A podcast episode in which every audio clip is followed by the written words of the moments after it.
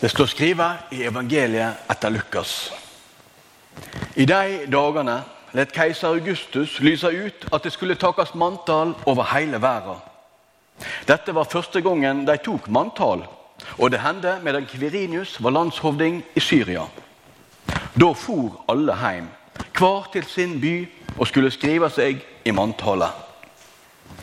Også Josef dro da for byen Nasaret i Galilea og opp til Judea, til Davidsbyen som heter Betlehem, for han hørte til Davids hus og ett og skulle skrive seg der, sammen med Maria, som var lova bort til han. Hun venta da barn. Og medan de var der, kom tida da hun skulle føde. Og hun fikk sønnen sin, den førstefødte. Hun sveipte han og la han i ei krybbe, for det var ikke husrom for dem. Det var noen gjetere der i området som var ute på marka og holdt vakt over flokken sin om natta. Med ett sto en Herrens engel framfor dem, og Herrens herligdom lyste kringom dem. Da ble de gripne av stor redsle. Men engelen sa til dem, vær ikke redde. Se, jeg kommer til dere med båd om en stor glede, en glede for hele folket. I dag er det født dere en frelser i Davids by. Han er Messias, Herren. Og det skal det ha til teiken. Det skal finne et barn som er sveipt og ligger i ei krybbe. Brått var det en stor himmel her sammen med engelen, og de lover Gud og sang. Ære være Gud i det høgste, og fred på jorda blant mennesker Gud har glede i.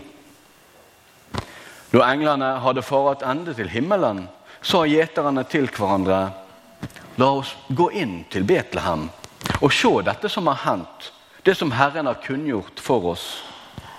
Så skunda de seg dit og fant Maria og Josef og det vesle barnet som lå i krybba. Da de fikk se det, fortalte de alt som hadde blitt sagt dem om dette barnet. Alle som hørte på, undra seg over det gjeterne fortalte. Men Maria gjemte alt dette i hjertet sitt og grunna på det.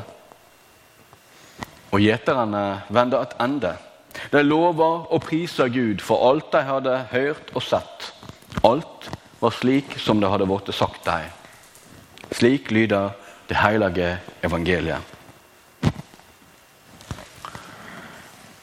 God jul, sier vi gjerne til hverandre. Vi eh, ønsker at ting rundt oss skal være godt, spesielt når det er jul. At folk skal være glad og fornøyd. At alle på en måte skal være med og høre til. Det er viktig i jula. Jeg skal fortelle dere en liten julefortelling fra virkeligheten.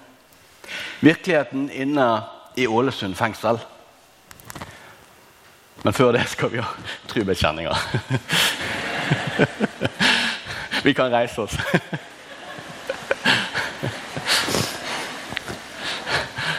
Ja da. Det blir åpenbart, disse tabbene. Jeg tror på Gud Fader, den allmektige som skapte himmel og jord. Jeg tror på Jesus Kristus, Guds enbårne sønn, vår Herre, som ble avla ved Den hellige ande, født av Maria Møy, pint under Pontius Pilatus, vart krossfest, døde og vart gravlagd, for ned til dødsriket, sto opp fra de døde tredje dagen for opp til himmelen, sitt ved høyre hånda åt Gud, den allmektige Fader, skal komme att derifra og leve død døde. Jeg tror på Den hellige ånde, ei heilag allmenn kirke, et samfunn av de hellige, forlating for syndene, oppstå av lekamenn og evig liv. Amen. Vær så god.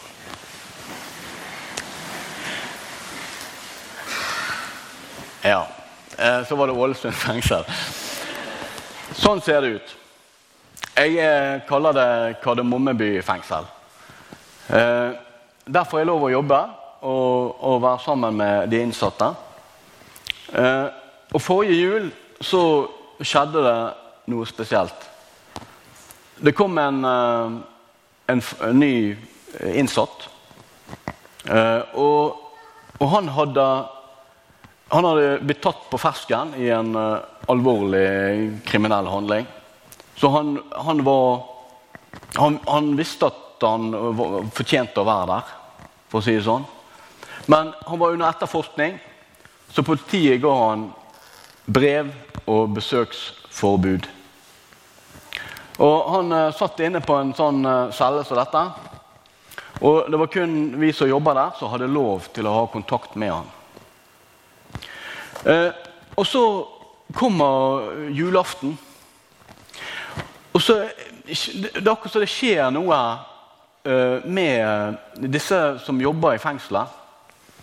At de følte at det var, det var ikke riktig at han skulle sitte isolert fra alle andre når det var jul. Det var akkurat som om at det var naturstridig. Så, så det de gjorde, de, de tok kontakt med, med Riksadvokaten og politiet. Og, og, og så fikk de, fikk de til at han fikk lov, selv om han var isolert, så skulle han få lov å spise julemiddagen i lag med de andre innsatte. Og så skulle han få lov til å ringe hjem til familien sin og ønske dem god jul. Og dette fikk vi til. Og det er, det er som om at Ja, det er sånn det skal være. Det er noe med juleevangeliet som kaller oss til fellesskap. Og brev og besøksforbud i julen, det er en naturstridighet. Det er så åpenbart at det ikke er sånn det er ment til å være.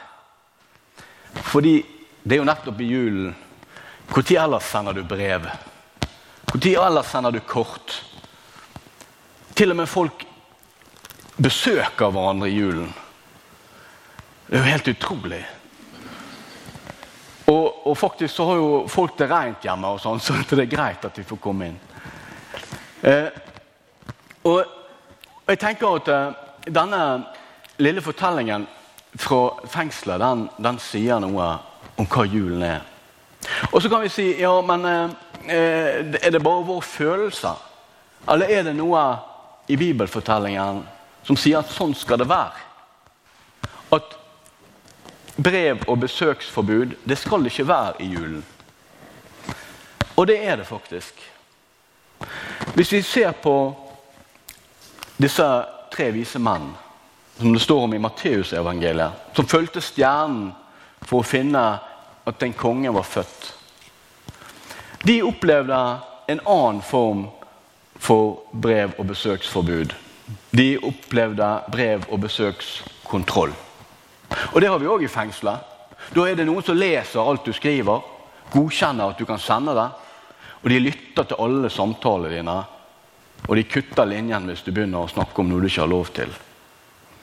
Og det er Det opplevde de tre vise menn på en måte. For de gikk til kongen i landet og sa vi har fulgt stjernen og vi vil finne et barn som er født som skal være konge, og vi vil gjerne hylle det. Da sier kongen rapporter tilbake til meg. Han hadde en baktanke med den. Han ville kontrollere, og han ville jo til syvende og sist ta livet av Jesus. Men så er det noe med det vismennene opplever. De får se barna, og de tenker vi kan ikke gå tilbake til kongen og rapportere dette. Så de gikk en annen vei. Jeg tenker, Hva hvis engler som kom ned fra himmelen, som lovpriste Gud og sa det er født en frelser. Du skal finne han i en stall. Men dere får ikke gå og besøke. Hva hvis disse gjeterne ikke fikk lov å besøke Jesus? Da har ikke de sett det som skjedde. Og hva, Da hadde ikke de fått lov å gå rundt og prise Gud for alt de hadde sett og hørt, og sagt at alt var sånn som det ble sagt i. De hadde ikke fått lov. Det er noe med julens budskap som ikke skal forties. Det er en glede. Det er en gave som er gitt.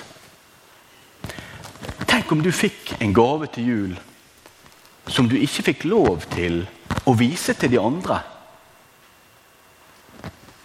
Denne gaven, Jesusbarnet, frelseren som ble født til jord, han ble gitt til oss for at vi skulle dele han. Han kom for fellesskap, for vi er skapt til fellesskap. Han kom for å dele den store gleden, og vi skal få lov til å dele glede. Jeg vet ikke om du har, opptatt, opplevd noen gang at, uh, at folk hysjer på deg. Jeg opplever det hele tiden. Men iallfall Nei, at liksom uh, Nei, ikke, ikke vær så Ro deg ned.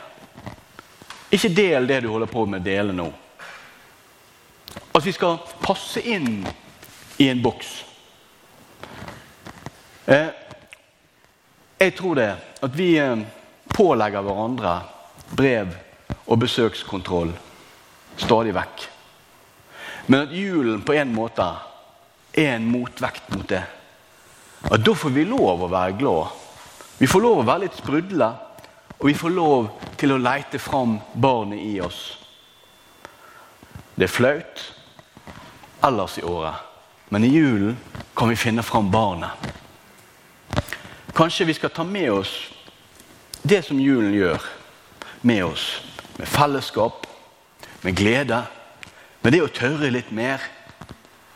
Ta det med oss til resten av året. Og ikke pålegge hverandre brev og besøkskontroll. Og i alle fall ikke brev og besøksforbud. Men at vi kan utøve frihet. Jesus kom for å sette oss fri.